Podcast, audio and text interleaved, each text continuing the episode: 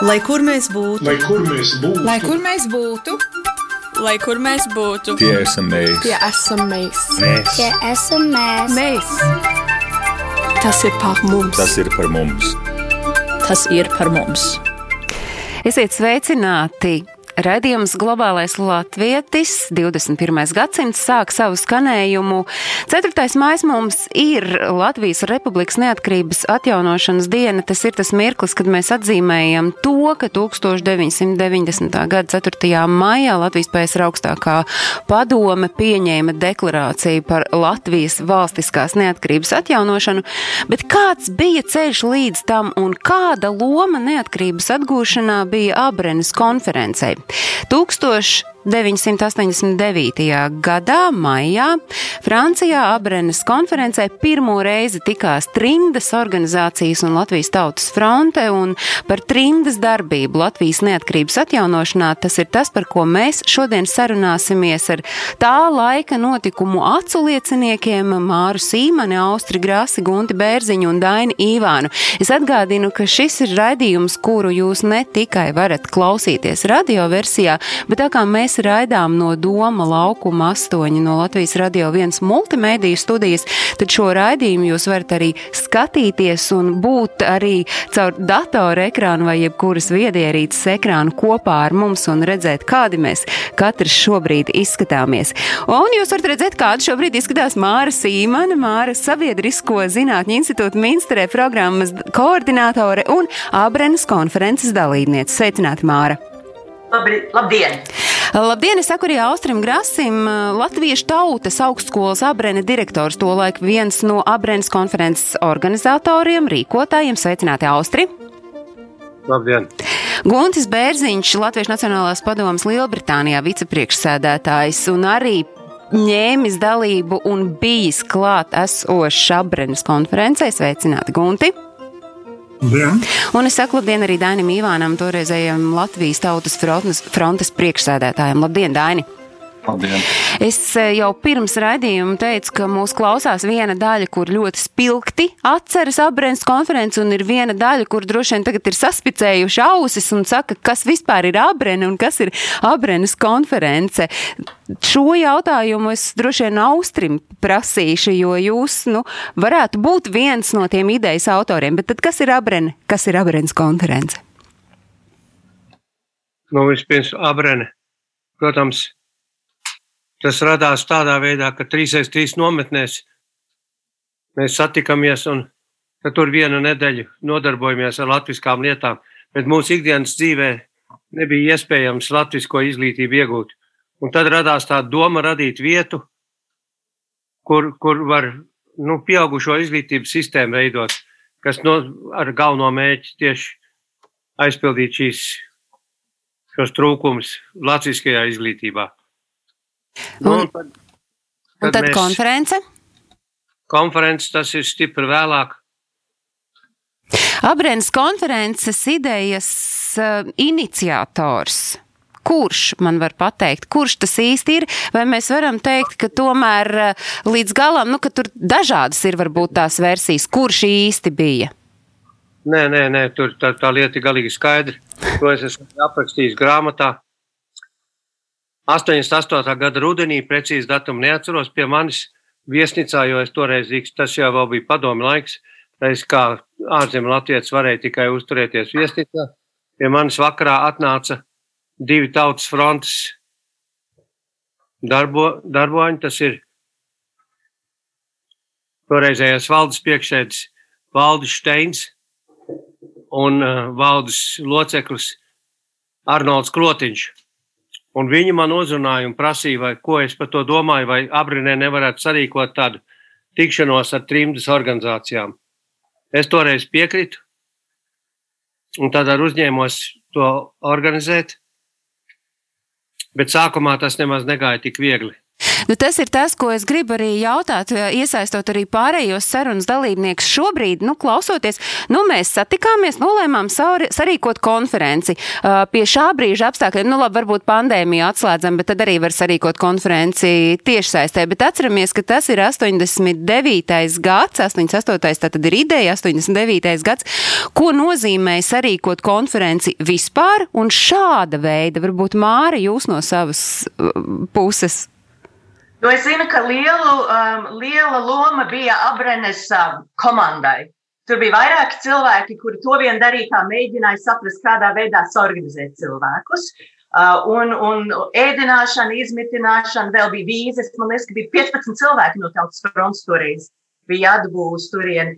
Kaut kādas lietas nepārtraukti notikās Abrenē. Abrenē pirms tam bija bijuši vidas aizsardzības kluba talcinieki. Tur, man liekas, vēl uh, vienā mirklī bija atbraukuši um, uh, cilvēki, kas gribēja palīdzēt Austrijam ar bibliotekas veidošanu, jo iecer bija, ka tā būs tāds zinātnes centrs ar latviešiem. Un vēl bija tas lielais sapnis, ka Rabreni būs tā vieta, kur Latvijas latvieši varēs izmantot kā platstarmu Eiropā. Tā būs mazā Latvija Eiropā. Bet par to, ko nozīmēja norganizēt uh, gunti, jūs atceraties, kāds bija tas ceļš, cik vienkārši to bija sarīkot? Nu, man jāatzīstās, es tā pie, pie tās organizācijas es faktiski nepiedalījos. Um, es biju viens no cilvēkiem, kas tika uzaicināts. Ja, nu, pirmkārt, tomēr man jāsaka, es domāju, ka um, ir tiešām labi, ka bija tāda vieta, ko es saucu tāda, tāda neformāla demokrātiska vieta kā Abrēna. Un man jāsaka, ka, teiksim, tiešām es domāju, tā augsta garša orģinālā doma, ka vajadzētu šādu apvienojumu kā tiešām, es domāju, um, nu, spēlēt tādu ļoti nopietnu vēsturisku lomu. Bet um, varbūt viena elementa, ko es tā gribēju pieminēt, bija, ka nu, jāsaprot, ka um, mums jau bija tā situācija, ka um, no vienas puses bija latvieši, kas dzīvoja Latvijā, no otras puses bija latvieši, kas dzīvoja Trindā. Un um, īpaši, es domāju, trimdā nebija tik viegli izsekot visiem tiem notikumiem, kas notika Latvijā. Jo Latvijā īpaši ap kādu no 89. un 90. gadu notikumi virzījās ļoti ātri. Un varbūt jāatcerās, ka, saprotams, trimdā mēs, nu, um, cik toreiz bija, varbūt kādreiz 50 gadu, Mēs tā kā vienmēr bijām uzskatījuši, ka tā nu, padomu savienība ir monolīta un ja padomu savienība ir ienaidnieka. Un šeit bija tā kā, nu, notika tāda diezgan ātra trimdas domāšanas, teiksim, revolūcija, es tā varētu teikt, ka cilvēki, cilvēki tā kā saprat, ka abās pusēs mēs tomēr esam latvieši un mēs viens ar otru tā kā ļoti sākām mēģināt tuvināties. Bet, nu, tas bija tāds process, un es jūtu, ka tāds process arī notiek Latvijas pusē. Nu, jā, tad par to Latvijas puses uh, procesu notikšanu, tad, tad trimdas domāšanas revolūcija un uh, droši vien kaut kādas sekas tam arī ir šī abrenes konference.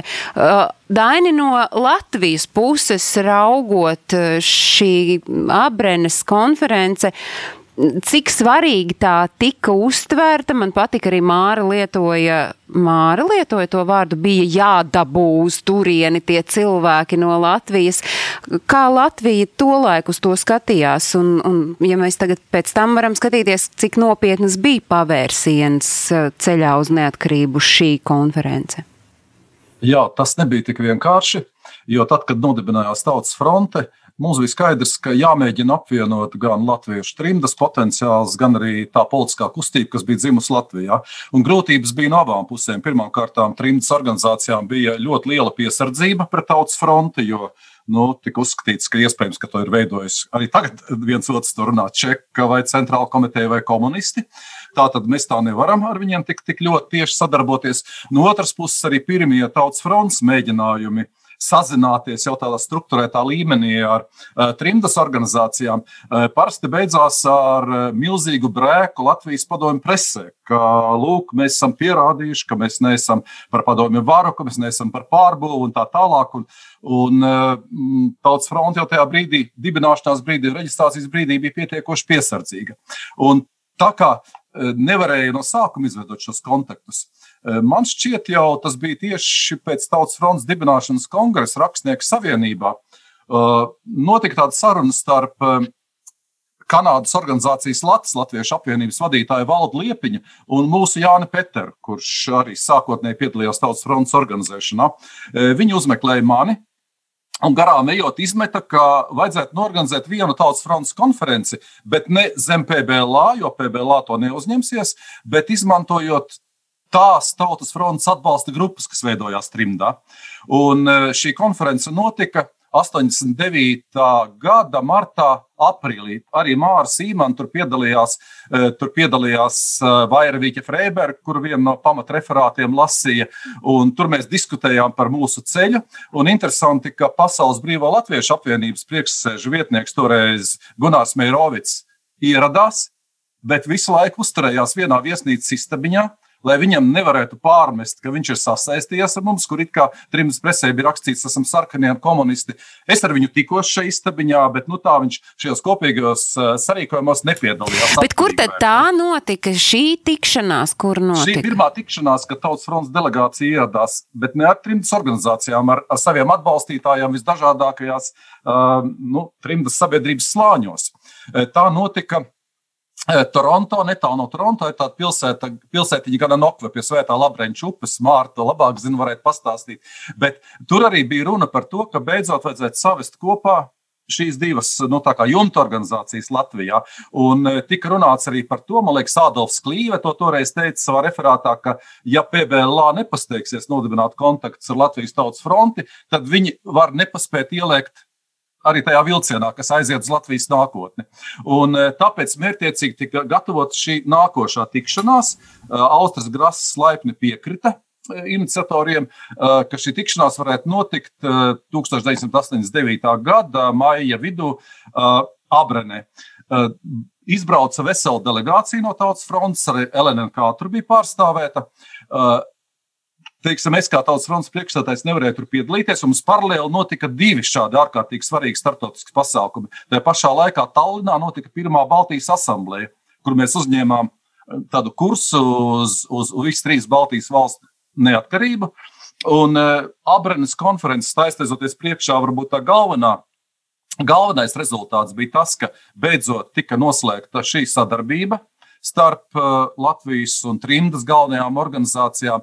Un otrām kārtām, uh, gan pateicoties Egīla Levita referātam par uh, Latvijas starp kontinuitāti un valsts turpināšanos, mums faktiski radās jau koncepcija, kā neatkarību atjaunot. Jo līdz tam brīdim nebija skaidrs, vai tā būs jauna Latvija, vai tā būs jauna Latvijas PSR ar kaut kādu savu konstitūciju, vai tas būs pavisam savādāks veidojums, vai mēs gaidīsim, kad kādi onkuļi no pasaules varenajiem mūs atzīst, un mēs nedarīsim neko, lai sevi neapsmērētos ar kaut kādu piedalīšanos padomu vēlēšanās. Bet tajā reizē Egils Levis piedāvāja ļoti skaidru formulējumu, ka mēs drīkstam, tas nebija pats par sevi saprotams, piedalīties tā saucamajās Latvijas PSR dažādu līmeņu vēlēšanās, lai gūtu pārsvaru, un tad izmantojot šo pašu okupācijas varas konstitūciju, šo iekārtu likvidēt un atgrieztos pie 18. novembra republikas. Nu, vēlāk šo formulu arī izmantoja gan lietuvieši, gan igauni, gan vēl vienā otrā citā padomjas republikā.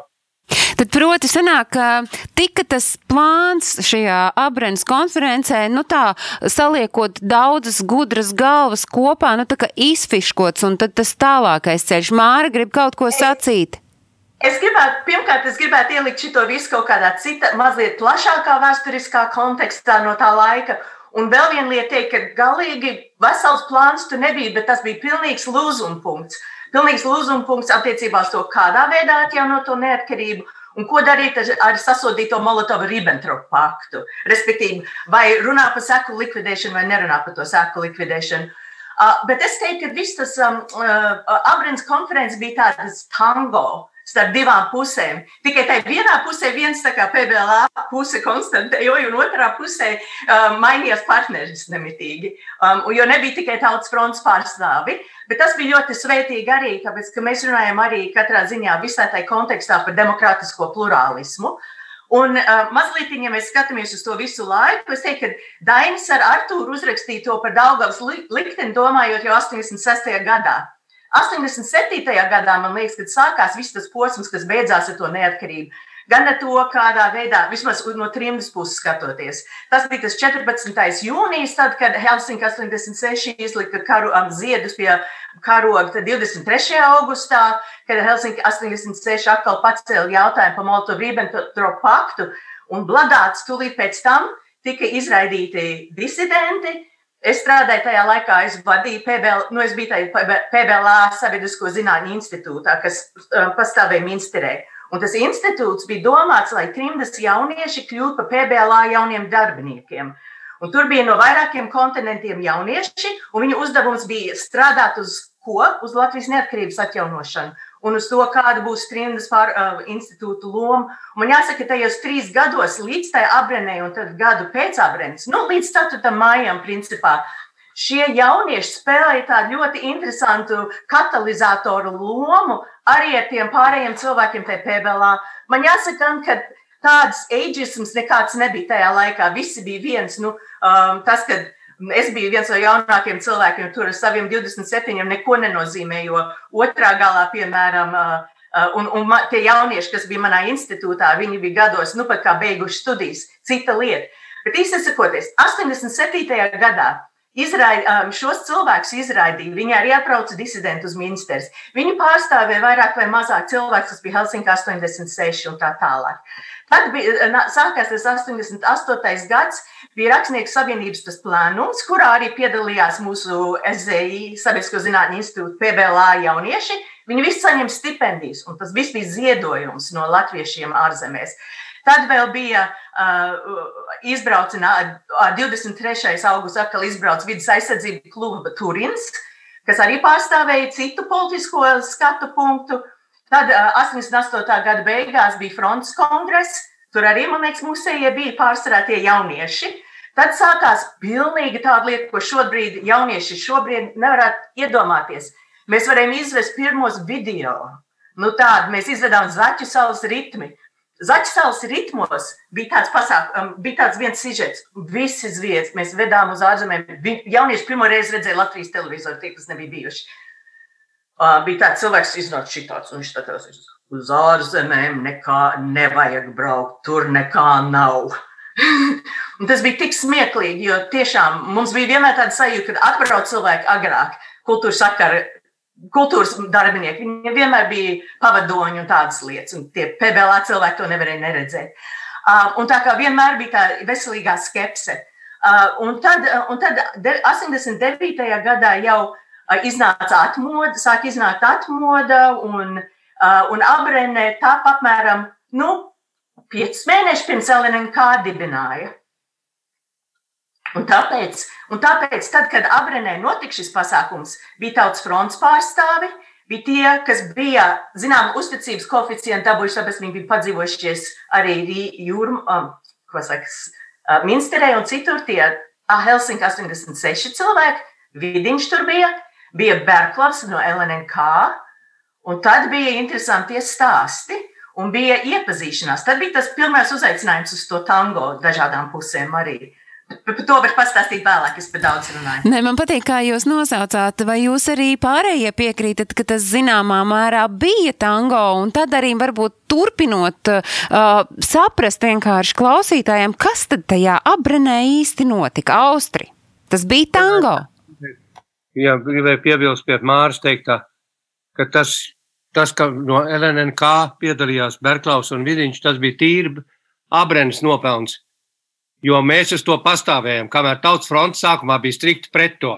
Nu, vispār es saprotu, ka tur kurš brauks, kurš eh, būs, kurš piedalīsies, un vai vispār to vajag. Tur tāda šaubu ēna bija pāri visam laikam, visu to laiku. Es pareizi sapratu, ja? Kāpēc? Gunti. Nu, es domāju, mēs jau to tā, tā ieskicējām, ka kā te māte teica, notika tāds tangoid, notika tāda, nu, kā es minēju, tāda evolūcija. Bet es gribētu teikt, ka varbūt tas labums no nu, visā tajā abrēna situācijā bija, ka faktiski mēs bijām nu, gandrīz uz veselu nedēļu cilvēki tā kā projām no ikdienas. Mēs bijām projām šitajā nu, brīnišķīgā Francijas pilī. Laiks bija ļoti skaists. Nu, mēs arī ēdām vakariņas un pusdienas kopā, mēs staigājām pa parku un tā. Tāpēc cilvēki dabūja ne tikai, ne tikai varbūt tā formāli aprunāties, bet, bet faktiski arī tā iepazīties no personīgā viedokļa. Tas man liekas arī bija ļoti, ļoti svarīgi. Bet varbūt, ja tā atgriežamies pie tās konferences, nu, man prātā stāv, ka tajā konferencē bija kur nodibināja divas galvenās komitejas, kas, kas nu, gan, nu, kur notika sarunas. Un, nu, es biju politiskajā komitejā, un tie galvenie temati, kas tika pārunāti tajā politiskā komitejā, bija, nu, kā jau māte pieminēja, bija viens par Molotova Ribbentrop pakts, tad arī bija tas, ko Dainis pieminēja, teiksim, tur Egils Levits, ka viņš, viņš tā kā pārstāvēja tādu grupu, kas pētījās jaunie juristi. Viņš bija, viņš bija sastādījis tādu memorānu par, nu, par Molotov Ribbentrop paktu, un viņš arī, laikam, ja es pareizi atceros, lasīja tādu priekšlasījumu par to nu, evolūcijas, teiksim, Latvijas neatkarības atgūšanu. Bet no tām politiskām diskusijām tas, kas man visvairāk ir palicis prātā, un tas notika pat, kad apskatījos 15. māja pēcpusdienā, notika tāda, nu, mēs tur sēdējām bibliotēkā liela galva, un faktiski tā galvenā diskusija bija par to, vai vajadzētu, vajadzētu tā kā virzīties uz pilnīgu Latvijas neatkarību, un tas bija tas viedoklis, kas tā kā pārstāvēja PPLA un visumā cilvēki no rietumiem ir tautas frontes, daži cilvēki argumentēja, ka tomēr vajadzētu vairāk virzīties uz, ko viņi sauc par suverenitāti. Tas, man liekas, bija tāds mazliet, mazliet stiprams jēdziens, bet, nu, kā es saprotu, teiksim, jēdziens, ka, ka Latvijā būtu demokrātiski iekārta, bet Latvija tomēr būtu zināmā mērā nu, padomu savienības teiksim, sastāvdaļa. Un, un šī ir palikusi vismaz manuprātā kā, kā tā, tā galvenā, galvenā diskusija, kas notika Amranī. Un es domāju, ka, ka izējot no šīs diskusijas un no tiem iespaidiem, kas uh, ko tautas fronts cilvēki guva, ka tas arī tālāk iespaidoja tautas fronts viedokli. Un tautas fronts viedokļa maiņa uz to, ka, ka eventuāli tautas fronti arī pieņēma to viedokli, ka vajag tomēr prasīt pilnīgi Latvijas neatkarību. Bet droši vien, ka Dainis grib varbūt precīzāk komentēt šo aspektu. Man no malas klausoties un uh, atceroties gan to laiku no tā, ar tādu patsmitnieces uh, skatu punktu, es arī saprotu droši vien, ka pēc vieniem šķita, ka varbūt tā var būt suverenitāte, kamēr Pasaules brīvo latviešu apvienībai likās, nē, mēs runājam par neatkarību. Daina, bet kā jūs atceraties, vai var teikt, ka šīs uh, diskusijas, tās, tam bija nozīme, tas bija tāds pavērsiena punkts? Nu, jā, protams, es pats eh, jau Abrams konferencē nepiedalījos, jo mums, jau es minēju, bija tā. Bet tie, kuri atbrauca, es domāju, tie, kuri atbrauca, vai jūs jutāt, ka varbūt jā. prom aizbrauca ar vienu domu atpakaļ ar, ar varbūt jau citu? Prom aizbrauca ar eh, Tautas fronts programmu, kas arī bija nu, tas šķērslis. Uh, trimdas organizācija, nevis paši trimdnieki, bet trimdas organizācija un tautas fronts tuvināšanai. Jo mūsu pirmajā programmā jau bija rakstīts, ka mēs atbalstām šo e, PSRS pārbūvi, ka mēs esam par lielāku suverenizāciju, lai organizācija reģistrēja tajā laikā. Nu, iedomājieties, tā bija Padomju Savienība, tas ir tas pats, kas Baltkrievija šodien, uh, nedod Dievs, ja, ja mums būtu bijis tāds Lukašenko šeit. Un tāpēc mums vajadzēja ļoti piesardzīgi izstrādāt programmu, ko Orkatam ir izstrādājis, un arī piesardzīgi virzīties uz priekšu. Tāpēc mēs nevarējām bliest tā, un es kāpēc Padomju Savienībā bija pieņemts, ka par suverenitāti jau, jau drīkst runāt, un neatkarība ir kaut kas briesmīgs, to nevar pieminēt. Un tur va, faktiski iznāca tāda drusku tāda matu skaldīšana starp trimdniekiem un, un, un, un mums, jo Viņi tā kā spiež, lai mēs nosaucam to neatkarību, un mēs saprotam, ka, ja mēs nosauksim, tad var tikt apdraudēta frontes eh, gan reģistrācija, gan daudz citas lietas, kas no kā, no kā tajā laikā bija atkarīgs ļoti daudz. Savukārt pēc Abranas konferences jau, bet tur arī bija tāda kompleksa iedarbība. Arī Baltijas asamblēja bija notikusi jau, kas bija pieņēmusi to, ka virsuzdevums PSRS deputātiem no visām tautas kustībām Baltijā ir panākt Ribbentrop-Molotova pakta denoncēšanu Maskavā, Kremlī. Mēs to beigās arī, kā zinām, panācām ar Baltijas ceļa starpniecību.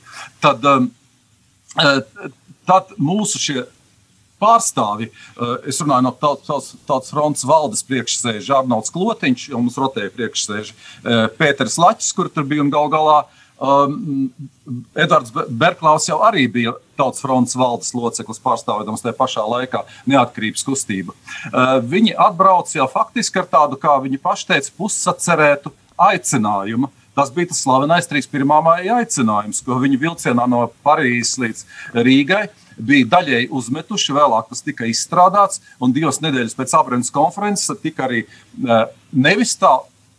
Tādā nu, teiksim, paziņojuma formā, ka tūlīt mēs prasām to un to, bet es domāju, ļoti demokrātiskā formā piedāvāts visās tautas fronts nodaļās un uh, atbalsta grupās apspriest Latvijas pilnīgu uh, neatkarības atjaunošanu, kas nebija pirmajā tautas fronts programmā, uh, un, un, un tās iziešana nu, kā, kā toreiz mēs teicām, ārpus PSRS šo suverenitāti. Nu, ar, arī šā 31. maija aicinājuma iznākšana, arī tas bija milzīgs skandāls. Tur bija, bija tajā brīdī Maskavā, Kremlī, Kongrespilī.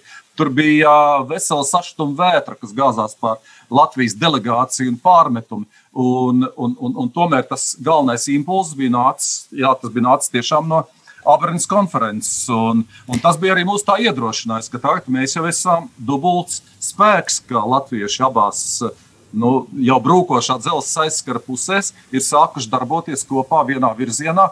Un arī to, tā mērķa formulējums bija skaidrs, pateicoties arī Gila Levita šim formulējumam, ka, ka tur jau, saku, tie, tie risinājumi bija dažādi, jo gal galā Latvija neatkarību zaudēja autoritārs laikmetā, kad satversme nedarbojās.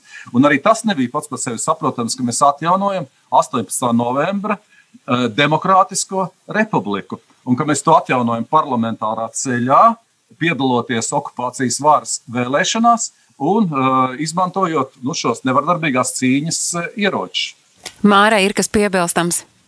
Jā, es gribēju teikt, ka viena ļoti, viens ļoti grūts uzdevums, kas bija tautas frontē, man liekas, ko pārvarēja zināmā veidā, pateicoties tam pastaigām, kas, ko Gunts minēja par svaigo, gai, par svaigo gaisu, ir, ir tas, ka arī Latvijas pusē ne visas puses bija ļoti, ļoti super saliedētas. Un varbūt tas, ka cilvēki varēja viens ar otru, arī vien, ar viens ar otru runāt um, no dažādām pusēm, varēja mazināt arī to iekšējo neusticēšanos, kas bija Latvijā. Jo mēs jau to redzējām ārpusē. Nāk viena, viena organizācija, saka, tikai viņi ir pareizie, kā ir to tautas fronti, kas ir un kā.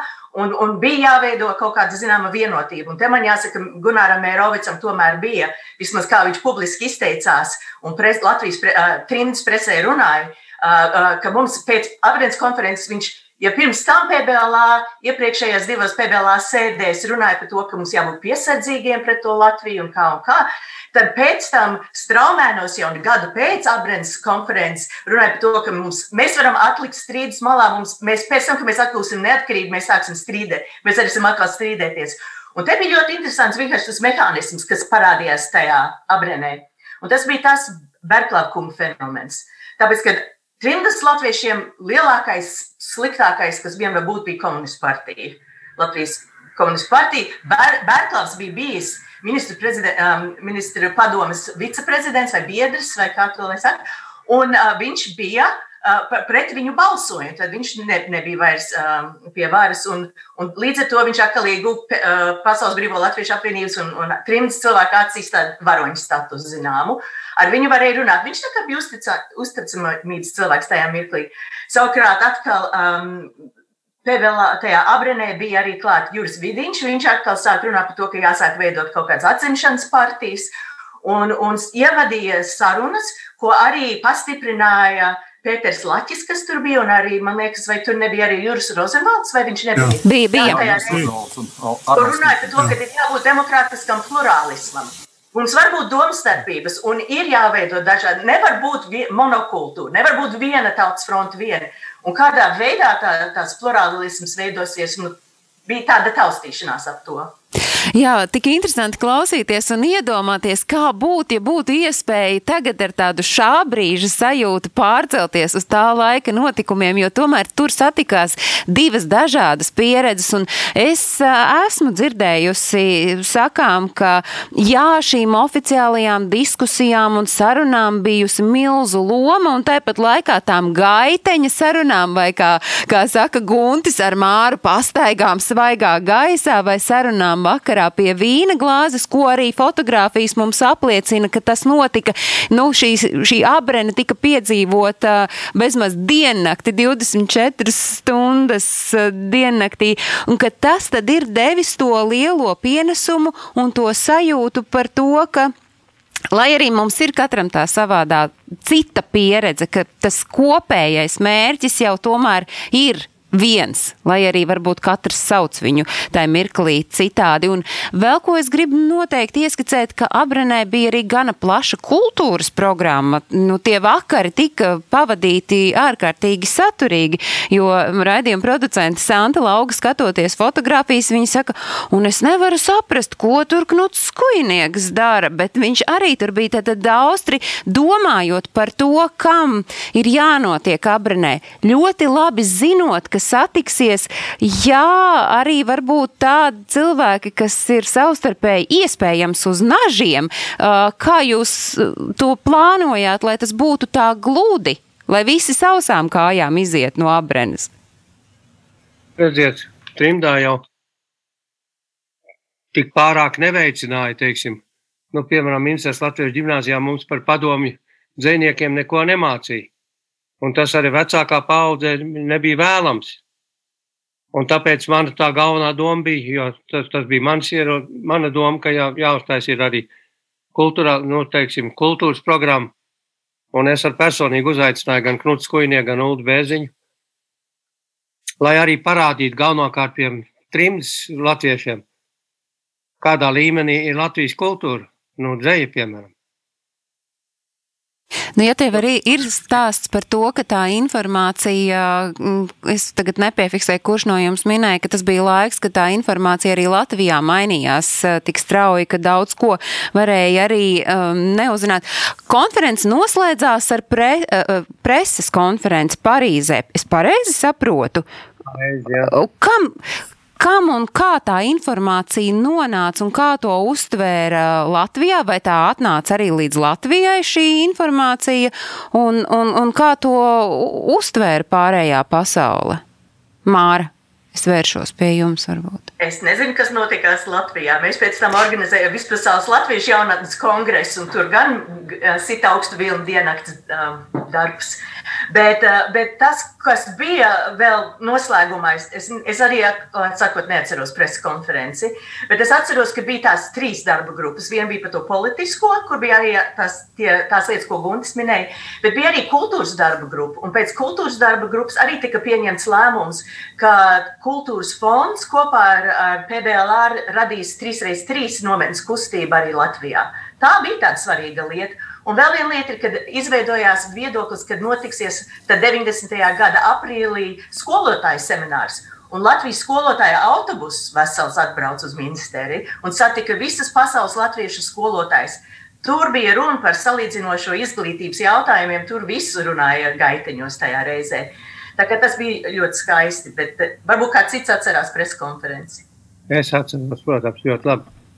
Preses konferences notika Parīzē, Un uzrunāt bija pasaules presa, tur bija arī gan franču, gan arī starptautiska presa.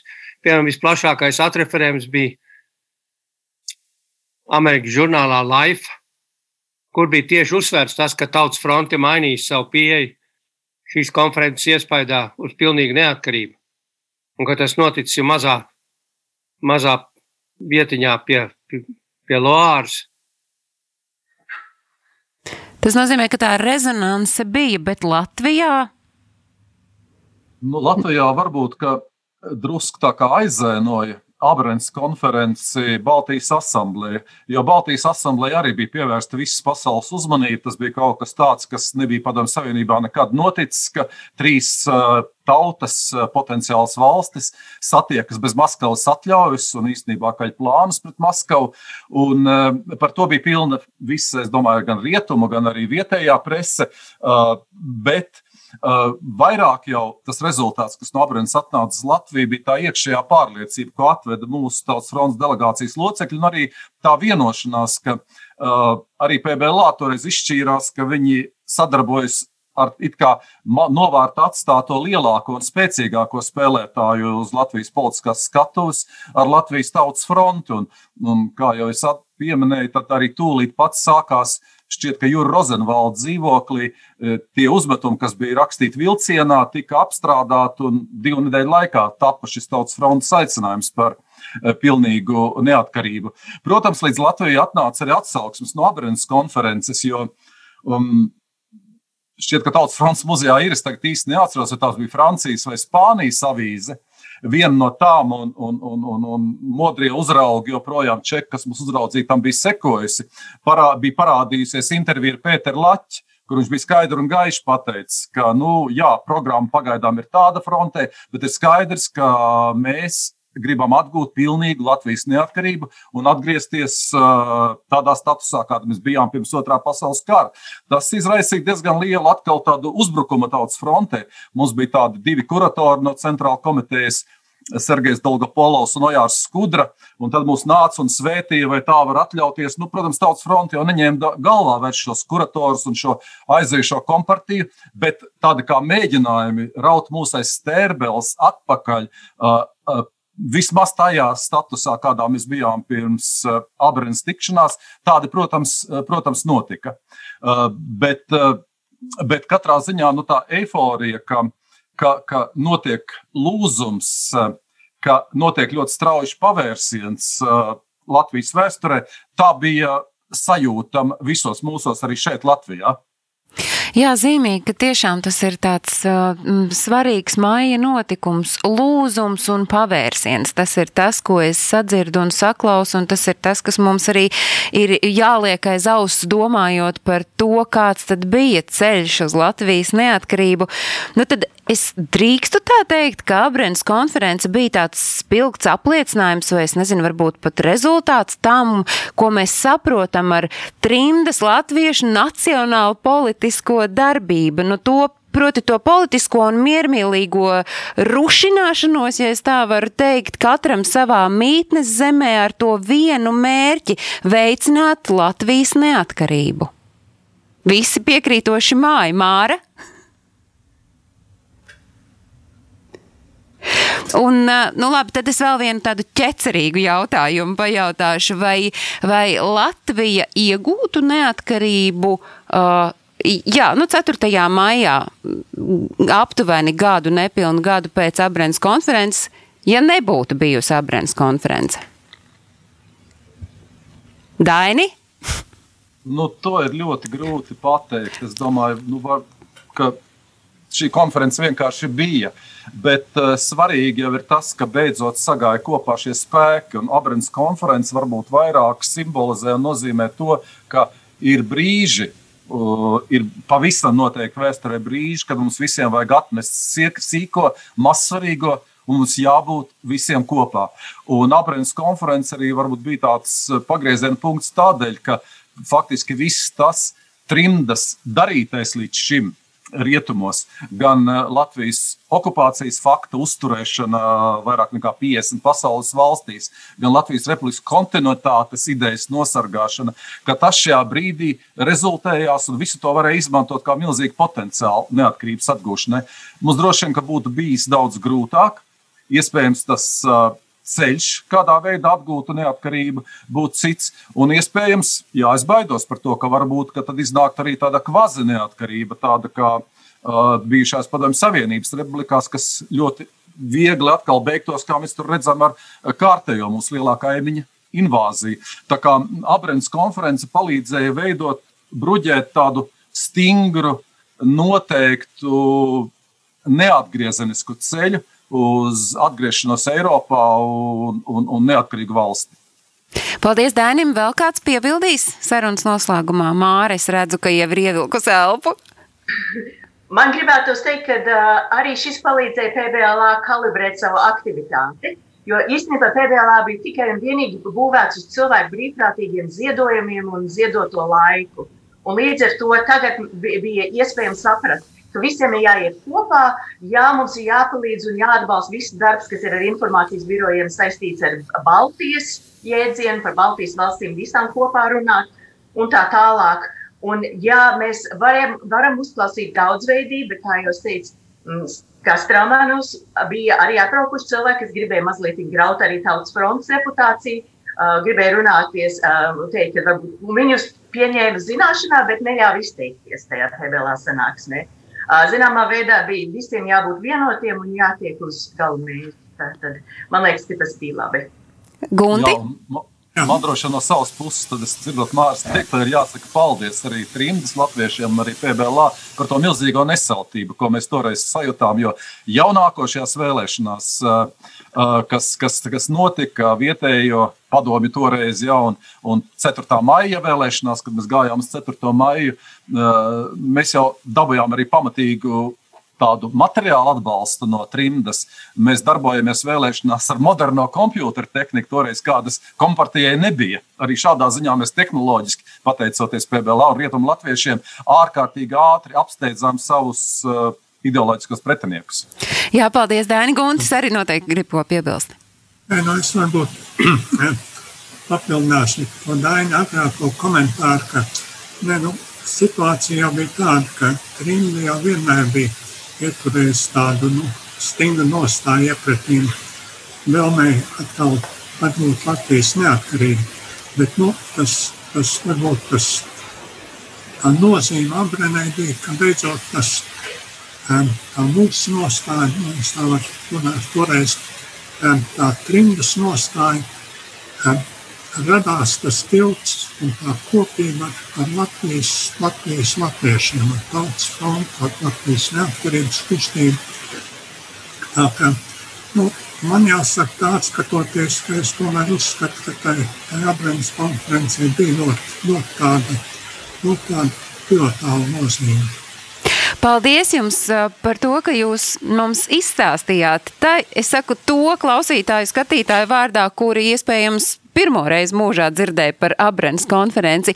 Paldies par to, ko jūs esat paveikuši, arī par tām um, diskusijām, par iespējamu rīvēšanos, bet uh, svarīgs jau ir tas rezultāts, pie kā nonāca 90. gada 4. maijā.